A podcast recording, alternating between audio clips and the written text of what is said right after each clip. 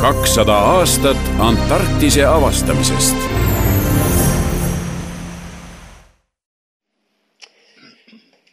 on kahekümne teine juuli, me oleme jõudnud ähm, Gdanskisse ja, ja just on laevast lahkunud kaks meest, Sergei Vorobjov ja Viktor Bojarski. Enn Kaup kui ma vaatasin seda, kuidas, kuidas te kolmekesi suhtlesite, siis ma saan aru, et, et te ei ole lihtsalt kolleegid, aga, aga midagi palju enamat. kes Sergei ja Viktor sinu jaoks on, kuidas, kuidas, kuidas, kuidas, kuidas teie, teie lugu on kulgenud? Nad on jah, võib öelda, et sõbrad, nad on kolleegid ja kõige olulisem on vast see, et nad on minu talituse kaaslased neljakümne kolme aasta tagusest ajast Nõukogude Antarktika ekspeditsioonis Širmahari oaasis Novolasevskaja jaamas ja seal me olime koos peaaegu terve aasta. ja seal me saime üksteist tundma. ja, ja meil on kõigist sellest väga head mälestused ja, ja meid ühendab minu arvates see, et me noores põlves saime Antarktikasse, mitte ei sattunud, vaid ikka tahtsime minna. ja siis äh, seal me, võib öelda, et me sellesse paika armusime. ja see armastus kestab siiamaani ja küllap meie elupäevade lõpuni ja see, see ühendab meid kõige rohkem.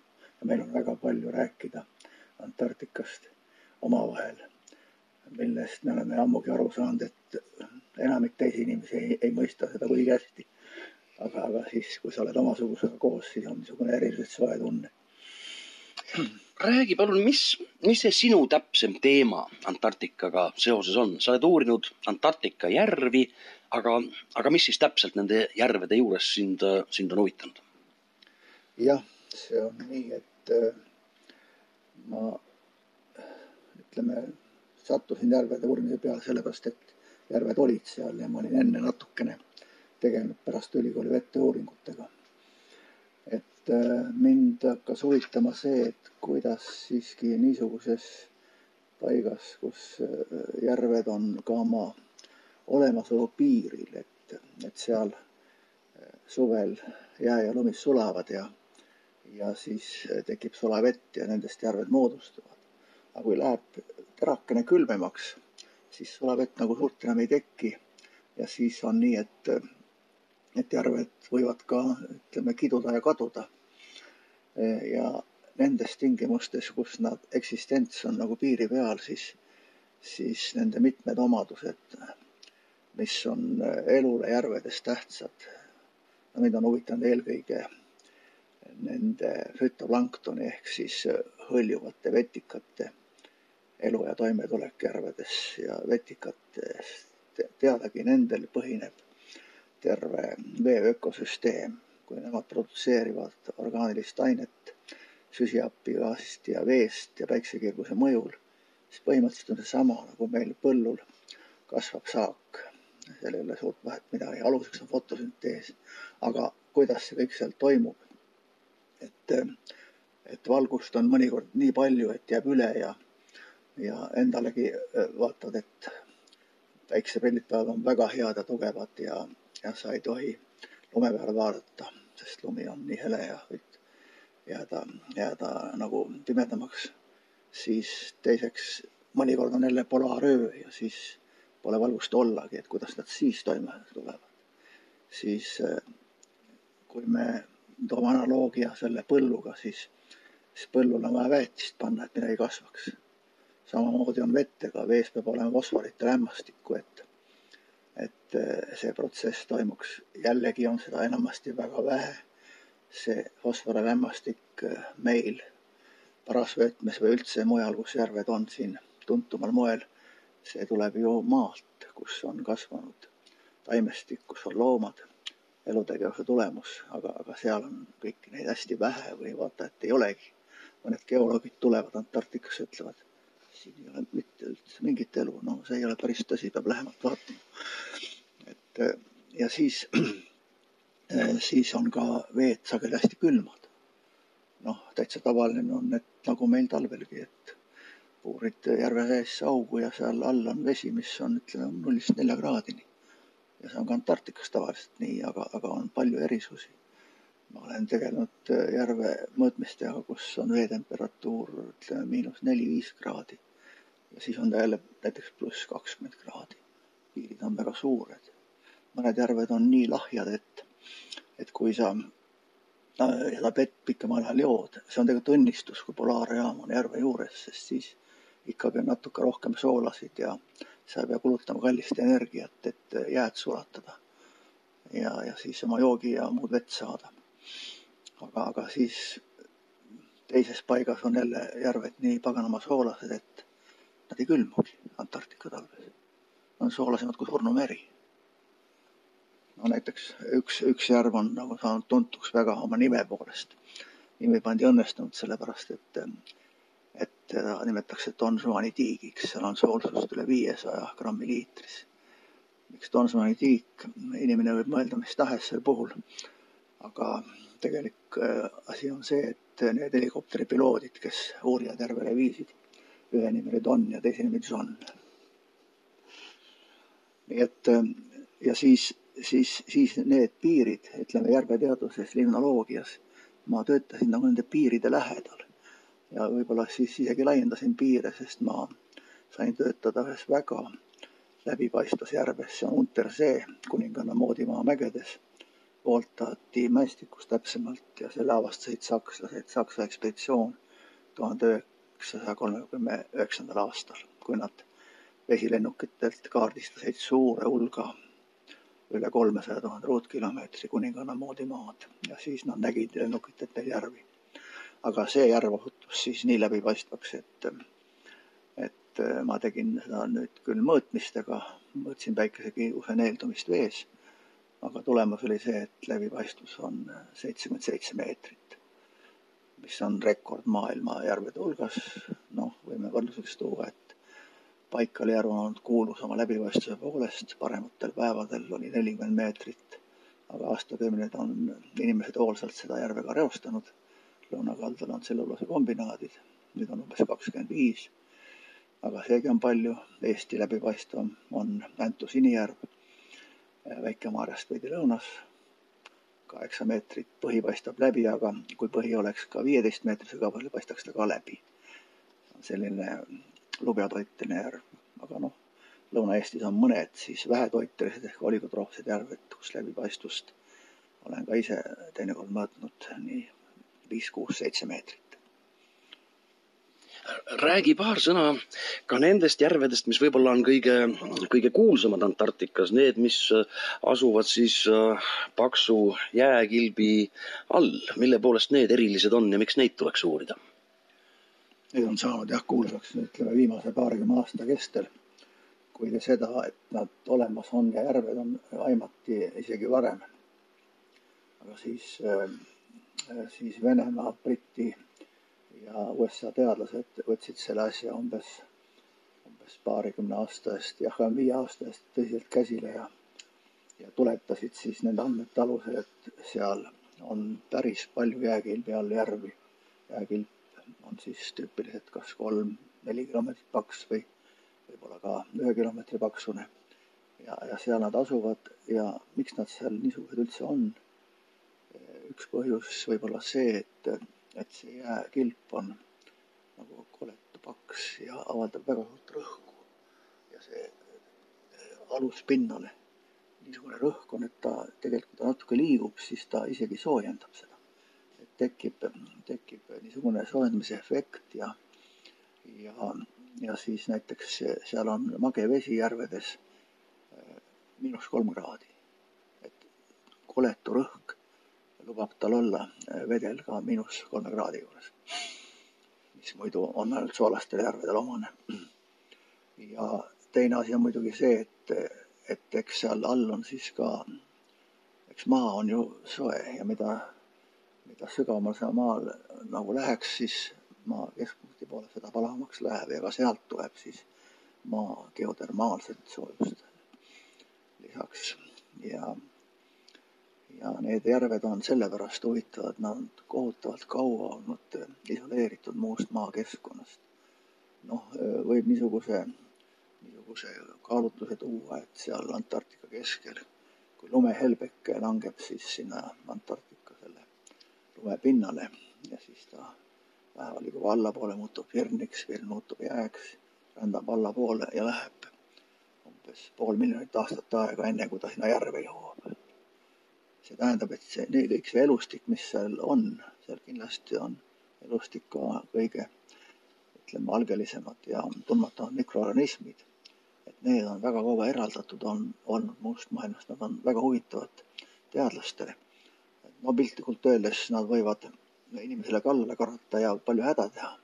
Nad on arenenud selles suunas, arenevad ju kiiresti, aga, aga eraldatud muust. aga siis äh, teisest küljest võib-olla õnnestub neid panna tegema väga kasulikke ravimeid. et, et kõik see on äärmiselt huvitav ja seda on nüüd uuritud tõsiselt juba paarkümmend aastat, aga, aga see Antarktika ei anna oma neid tulemusi kergelt kätte. seal tuleb päris palju vaeva teha, näha. ka nende tavaliste järvede uurimisega, millega mina tegelen, on küllalt palju vaeva, aga seda enam, kui sa pead puurima mitu kilomeetrit jääd, siis hoidma seda puurauku lahti, et ta ei külmuks ja siis katsuma sealt alt võtta steriilseid proove ja tõtt-öelda päris steriilset proove polegi sealt saadud veel. oli optimistlik hõiked, et nüüd on olemas, aga teadlased on ikka skeptilised, mitu korda kontrollivad kõike ja täielikku veendumust, et on head proovid saadud, ei ole. ja alati, kui sa Antarktikas tööd teed, siis sa pead arvestama niisuguse müstilise asjaga, mille nimi on A-faktor ehk Antarktika faktor no britid näiteks püüdsid, püüdsid umbes eh, viis aastat tagasi puurida ka seda järve, ühte niisugust, see oli Ellsworthi järv ja kui ma õieti mäletan, jah, nii oli. ja seal oli vist paar kilomeetrit jääd. ja neil olid kõik hästi ette valmistatud ja, ja nad sõitsid lennukitega kohale sinna, lõid laagri üles ja asusid puurima, aga puurimine käib siis nii, et, et eh, nemad puurisid, puurisid selle kuuma veega. et oli vaja siis niisugune, ütleme, veekahur tulise veega siis nagu söövistas seda auku. selleks oli vaja siis seda kuumaveevaru seal teha ja, ja siis niisugune lihtne asi, et sellel süsteemil termistor põles läbi. no ei tea, mis oli, pandi uus termistor, jälle põles läbi, mis teha siis telliti Inglismaalt viieteist tuhande kilomeetri kauguselt kohale uus, aga see võttis paar nädalat aega. niikaua kui nad pusisid seal, hakkas, hakkas see suvi läbi saama, hakkab külmaks minema, tulevad lumetormid, tööd enam õieti teha ei saa. ja kurva moega panid oma kolid kokku ja läksid Inglismaale tagasi ja ütlesid, ei tea küll, millal me valitsuselt jälle nii palju raha saame, et uuesti alustada. siiamaani pole saanud.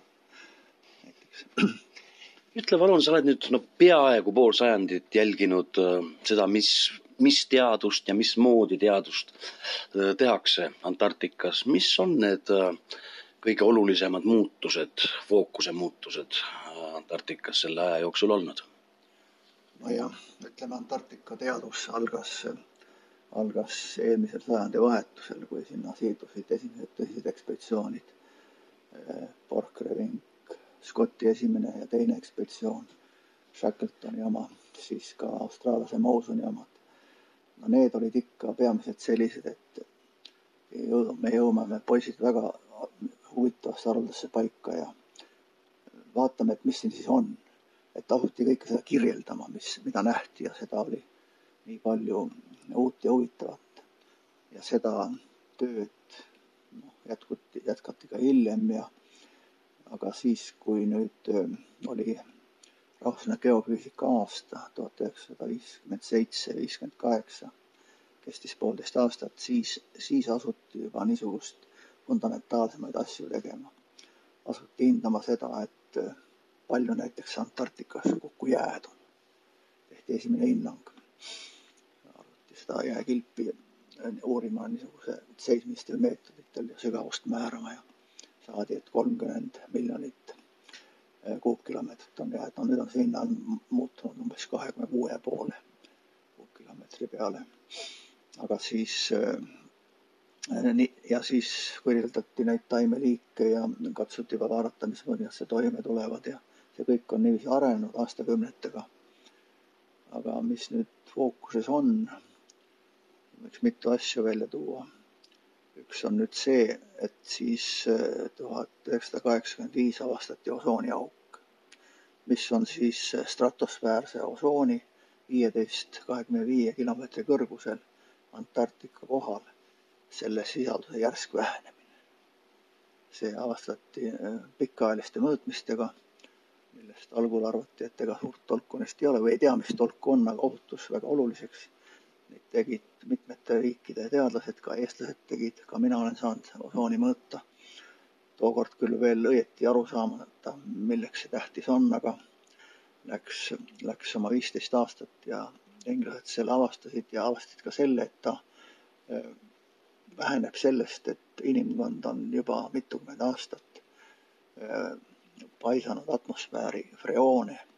Freoonid sisaldavad klooriaatomeid ja need klooriaatomid, kui nad satuvad sinna, kui nad satuvad sinna stratosfääri Antarktika kohale, kus on talve lõpul hästi külm, see on umbes miinus kaheksakümmend kraadi, siis just külmades oludes toimub nemad reaktsioonid, et see klooriaatom hakkab õgima osooniaatomeid, õgib ühe ära ja läheb teise juurde, nii et see on niisugune selles mõttes hästi efektiivne protsess.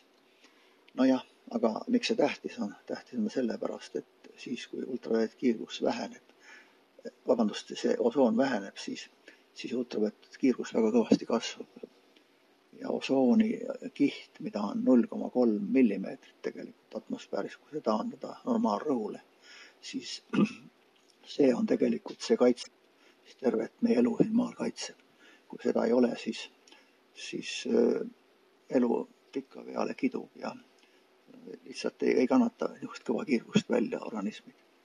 noh, inimesele see osooni hulga vähenemine ja ultraviolettkiirguse kasv toob kaasa nahavähki ja silmahaigusi ja ka ta mõjub ka tervele ökosüsteemile, taimedele, loomadele, kõigile vot saadi aru, et on nii ja et mis seda põhjustab ja, ja siis on küll mul hea meel tõdeda, et, et ka maailma riigitegelased said sellest üsna ruttu aru ja juba kahe aasta pärast, tuhat üheksasada kaheksakümmend seitse sõlmiti Montreali protokoll, mis seadis eesmärgiks siis nende ainete kasutamise, mis on siis eelkõige siis külmutusseadmetes või siis aerosolpakendites ja nii edasi et nende freoonide kasutamist seal äh, piirata ja asendada teiste ainetega ja nii on ka juhtunud. ja, ja need abinõud on rõõm öelda, et nad võtavad kõik aega, mitte miskit ei juhtu kiiresti, kui sa mingi asja tuksi keerad, siis parandamine võtab palju aega. ehk, ehk munapudrust on raske uuesti mune teha. aga ometigi on see mõjunud ja ütleme aastaks äh, kaks tuhat kaksteist võis juba öelda, et on stabiliseerunud ja nüüd on on andmeid, et äh, see osoonihulk seal Antarktika kohal stratosfääris kasvab. ja, ja, ja on prognoositud umbes aastaks kaks tuhat kuuskümmend, seitsekümmend on enam-vähem taastunud. aga miks see ainult Antarktika kohal oluline ei ole, on sellepärast, et ka oli märke juba, et ka põhja pool, põhjapooluse kandis hakkas ta veidi vähenema, nii et see, see see pahade ainete väljalaskmine, mis suuresti toimus nagu meil põhjapoolkeral, kus on industriaalsed piirkonnad, mõjus kõigepealt seal, aga, aga, aga mõjus ka siin. miks ta siin vähem mõjus, on sellepärast, et siin ei ole lihtsalt nii külm pooluste kohal kui Antarktika kohal.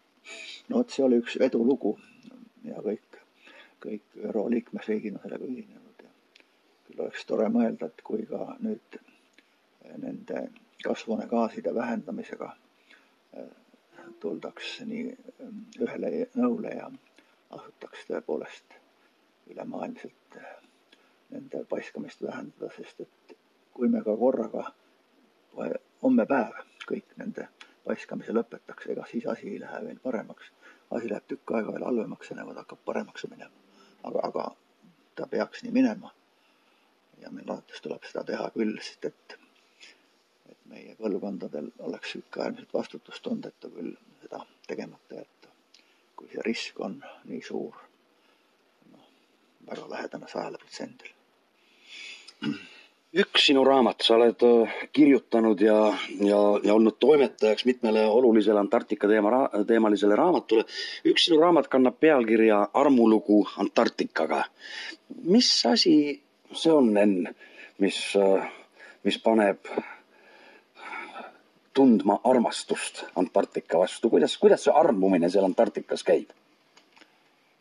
no eks, kui sa sinna kõigepealt jõuad, siis siis tema mastaapsuse ja, ja suurejoonelisusega ta muidugi mõjub su peale. ja esimene, esimene vaade merelt, see on niisugune, mis ei, ei ununegi. aga edasi siis, edasi siis noh, sa oled seal igapäevaselt ja, ja teed oma tööd. Ja, ja tööd on palju, aga siis tekivad ikka momendid, kuidas sa, kuidas sa näed seda ilu seal ümberringi kuidas on puhas õhk ja, ja kuidas paistab kaugele nähtavus. ma näen mägesid seal selgesti saja kuuekümne kilomeetri kauguselt ja see ei ole piir. ja, ja siis no seal on minu jaoks nagu mitu asja.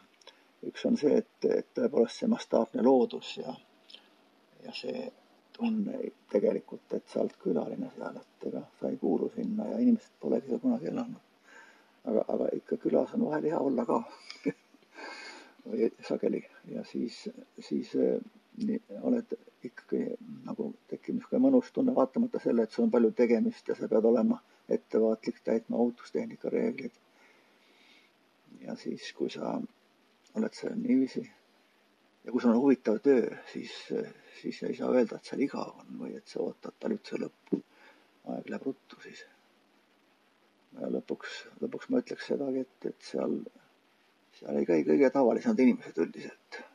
ikka päris huvitavaid persoone kohtab seal ja keda, keda siiamaani mäletad ja noh, algas meie juttu sellest Bojarskist ja, ja siis äh, Vorobjovist, et no nemadki on niisugused inimesed ikka hästi huvitav koos olla ja, ja mõtteid vahetada ja no vot, vot neid inimesi mäletad seal ma näiteks kohtusin laeval kunagi ühe šveitslasega, kes, kes äh, noores põlves leidis, et Šveitsis on elu jõle igav. mingi, ma küsin, mis probleemid teil on? tead, meil ei olegi eriti mingeid probleeme ja sellepärast ma ei tahtnudki seal elada Läks Jaapanisse, hakkas seal inglise keele õpetajaks, siis sai teada, et käiakse Antarktikas, möllis ennast, möllis ennast kokapoisiks laevale käis ära, hakkas pilte tegema ja siis ta on käinud seal üle kahekümne ekspeditsiooni ja kui mina teda kohtasin, siis ta võis enda kohta öelda, et ma olen maailma kõige parem pingviinifotograaf. ta tõesti oli ilusaid pilte tal. ja vot niisugune saatuslõpp ei olnud just kõige tavalisem, ta saigi Antarktikas hukka, läks järjekordselt pingviinikolooniasse pildistama Mirnei lähedal. aasta oli vist kas üheksakümmend kaheksa ja on ta jah, läks liiga julgeks. Läks, äh, arvas, et on hästi kogenud ja, ja siis äh, läks, ilmaprognoosi ei olnud hea, ta ikka läks. ilm läks järgmiselt nii halvaks, et ta äh, seal oli ja, ja ei saanud talle appi ka minna. ega siis ei saa appi minna nii, et sa paned teised inimesed nii löögi alla, et, et kas nemadki tagasi tulevad ja siis paar päeva hiljem leiti surnuna külmunud lumest. Aga, aga on saatus, eks ole, ja, ja kui niisugune saatus on inimesel, siis elu on ikka elatud, eks ole. sellest, et äh, Antarktikas käivad erilised inimesed, me rääkisime siin Viktor Bojarskiga ka, kes muuhulgas ütles, et, et Antarktika teeb inimesed romantiliselt häbenedes just, justkui ütles, et no näed, minagi hakkasin luuletusi kirjutama. kas Antarktika talvitumine, pikk olek Antarktikas, kas, kas see kuidagi mõjub psüühikale ka? no enda kohta on ju raske seda öelda. Küll ta ühel või teisel mõjub ja eks sa ikka hakkad rohkem mõtlema vähemalt elu üle. selles mõttes on sarnane merega, mulle tundub. keskkond on seal nagu karm ja suhtlusringkond piiratud. aga, aga ikka mõtled ja, ja mõtled ju mitte ainult endale ja Antarktikale, mõtled ka kodule, mõtled kodustele nendele, kes sul kallid on ja ja, ja, eks nii, nii see tekib ja, ja ka muidugi. aga mis puutub minusse ja Antarktikasse, siis jah, et sa võid ju temast äh, kaugel olla.